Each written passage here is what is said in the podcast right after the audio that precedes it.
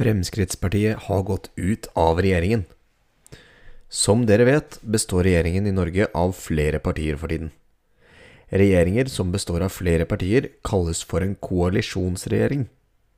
Erna Solberg, som er statsminister i Norge, kommer fra partiet Høyre. Solberg har vært opptatt av å få de partiene som er nærmest Høyres politikk, til å samarbeide. Inntil i forrige uke besto regjeringen av Høyre, Fremskrittspartiet, Kristelig Folkeparti og Venstre. Til sammen har disse fire partiene flertall på Stortinget. De kan derfor bestemme uten å ta hensyn til hva de andre partiene på Stortinget måtte mene. Problemet med en koalisjonsregjering er at fire partier som egentlig mener litt forskjellige ting, skal bli enige, slik at alle partiene føler at de får mest mulig igjen av sin politikk. I forrige uke fant Fremskrittspartiet ut at de ikke ville være med i regjeringen lenger, fordi de følte at de ikke fikk gjennomslag for den politikken de mener er den riktigste. Dette førte til at Norge nå har en regjering som består av Høyre, Kristelig Folkeparti og Venstre. Da Frp forlot regjeringen, måtte Høyre, KrF og Venstre hente inn nye folk til å bestemme på de områdene Frp hadde hatt sine folk. De viktigste jobbene i regjeringen er de som kalles statsråder. Her er noen av de nye statsrådene i regjeringen. Gresshopper truer matforsyningen i Øst-Afrika. Øst-Afrika flommer over av gresshopper. Sverminga er den verste på 25 år. Insektene truer mattryggheten i noen av de mest sårbare landene i verden. Nordøst i Kenya ble det i forrige uke meldt om en gresshoppesverm som var 60 km lang og 40 km bred. En typisk sverm med ørkengresshopper kan telle opptil 150 millioner insekter per kvadratkilometer. Gresshoppene vandrer med vinden og kan flytte seg 100 150 km om dagen. En gjennomsnittlig sverm kan daglig ødelegge avlinger som kunne ha metta 2500 mennesker. Uvanlige klimaforhold får en del av skylden for utviklingen. Deler av regionen har hatt uvanlig kraftig flom de siste årene, noe som fører til at gresshoppebestanden øker kraftig. Sverminga kan fortsette helt frem til juni. Ørkengresshopene blir regna som den mest skadelige av gresshoppeartene i verden. Den har vært en trussel mot jordbruket i Afrika i mange hundre år. I tillegg til Kenya er også Somalia, Etiopia, Sudan, Djibouti og Eritrea rammet. Sør-Sudan og Uganda blir regnet for å være i faresonen. For å forebygge og kontrollere utbruddene må de som bestemmer analysere satellittbilder, skaffe insektmiddel og sprøyte svermene fra luften. I Etiopia opplyser styresmaktene at de har tatt i bruk fire fly for å hjelpe til med å få bukt med gresshoppeinvasjonen. Gresshoppefakta det finnes over 20 000 kjente gresshoppearter i verden. I Norge har vi 25 frittlevende gresshoppearter. Noen gresshopper lever på gress, mens andre lever under bakken. De fleste gresshopper er planteetere. Noen er rovdyr og spiser insekter og mark. Mystiske lys på månen. Det er slett ikke sikkert at du ser det, selv om du stirrer på den lysende kula en hel kveld. Eller to men kikker du lenge nok på månen gjennom et teleskop, vil du før eller senere oppdage et lysglimt. Kanskje et kort blink et sted på overflaten. Eller et svakt glødende skjær som varer i flere timer eller dager. Folk har nemlig observert slike lys med ujevne mellomrom i mange hundre år. En av de mest kjente hendelsene skjedde i juli 1969. Noen tyske forskere hadde oppdaget en lysende flekk i nærheten av Aristarkus-krateret. Det skjedde akkurat på samme tid som menneskene skulle lande på månen for første gang. De tyske forskerne sendte et spørsmål til astronautene på Apollo 11-romskipet, som da kretset rundt månen. Kunne de også se lyset på måneoverflaten? Like etter kom det svar fra astronauten Michael Collins. Jeg ser nordover opp mot Aristarkus nå, og det er et område som er mye mer opplyst enn områdene omkring. Det ser ut til å være litt selvlysende, men hva i all verden er det som lyser der oppe? Steiner fra rommet og mystisk gass? Ingen er helt sikre. Forskere tror at mange av lysglimtene skyldes små og store steiner som ramler inn fra verdensrommet. De smeller ned i månens overflate og skaper eksplosjoner. Men slike nedslag kan ikke lage alle lysene, som det glødende lysskjæret astronautene på Apollo 11 så. Kanskje lyser solskinnet opp små skyer av gass som strømmer ut av sprekker på månen? Eller kanskje er det en slags elektrisitet i støvet på overflaten? Forskerne har mye å finne ut av. Nå har den tyske vitenskapsmannen Hakan Kajal satt opp et spesielt teleskop som skal oppdage og filme lysglimtene på månen. Ikke bare fordi mange lurer på hva lysene kan være, men også fordi glimtene kan fortelle oss noe mer om månen. Lysene kan kanskje røpe hva som befinner seg inni månen, eller hvordan det rare støvet på måneoverflaten oppfører seg. Slik kunnskap vil bli veldig nyttig hvis menneskene en dag skal bygge en månebase der oppe. Steve Jobs Let us step back in time to 2007, perhaps the same year you were born. Your parents will almost certainly say, 2007? That seems like yesterday. Thirteen years have passed since 2007, and thirteen years can be a long time. You, for instance, have gone from being a tiny, wriggling baby to sitting here and reading this text. 2007 sees the introduction of the very first iPhone. Steve Jobs stands on the stage and says that this telephone will change the world. The unique feature is the screen. He opens a picture on the mobile phone, places two fingers on the screen, and moves them apart. The picture enlarges. The audience gasps. Jobs demonstrates how to make calls, send email, surf the internet, listen to music. All this on the little gadget. The audience gets to its feet, gives him a thundering ovation, and long, long queues start to form outside Apple stores.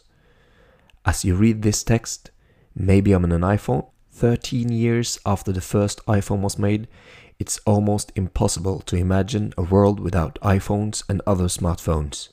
Before 2007, the only one able to envision the iPhone was Steve Jobs. Steve Jobs died in October 2011, having battled with cancer for many years. Before he died, he gave a speech to students at Stanford University. His advice to the students was Find out what you love doing and do it.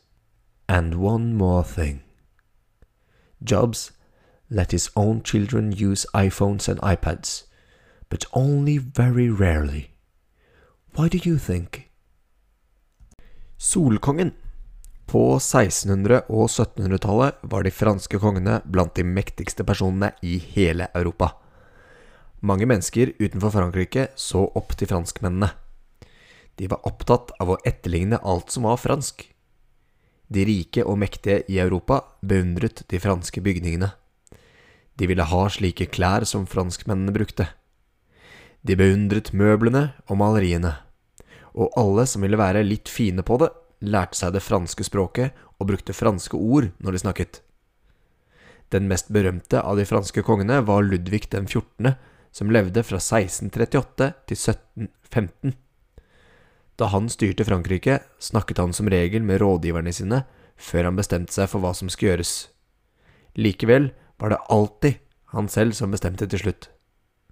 Det var altså Ludvig som hadde det siste ordet når det skulle lages nye lover, og når det ble avgjort hvor mye franskmennene skulle betale i skatt. Han bestemte også hva alle skattepengene skulle brukes til. Kong Ludvig bestemte også at landet skulle starte kriger mot andre land.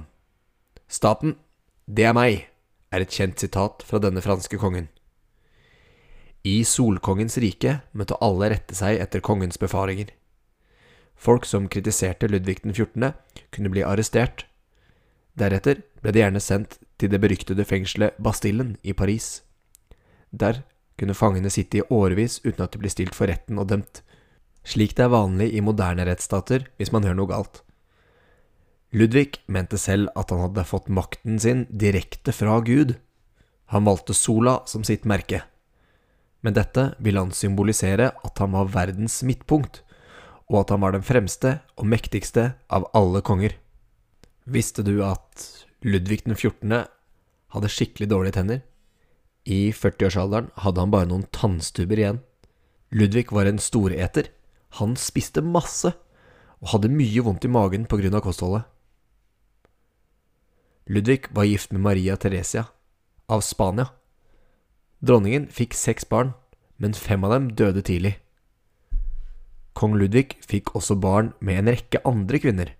Blant annet fikk han fire barn med den unge hoffdamen Louise de Lavalier. Da kongen forelsket seg i en annen adelsdame, gikk Louise i kloster. En dag hos Ludvig den 14. Hver morgen ble kongen vekt av en tjener som sto klar med et vaskevannsfat til morgenvasken. Etter å ha fått på seg undertøyet og buksene, ble kongen dusjet med en liten parfymeflaske før dørene til soveværelset gikk opp. Så trådte en utvalgt gruppe av prinser, prinsesser, offiserer og andre fornemme mennesker inn i rommet for å ønske kongen en god morgen.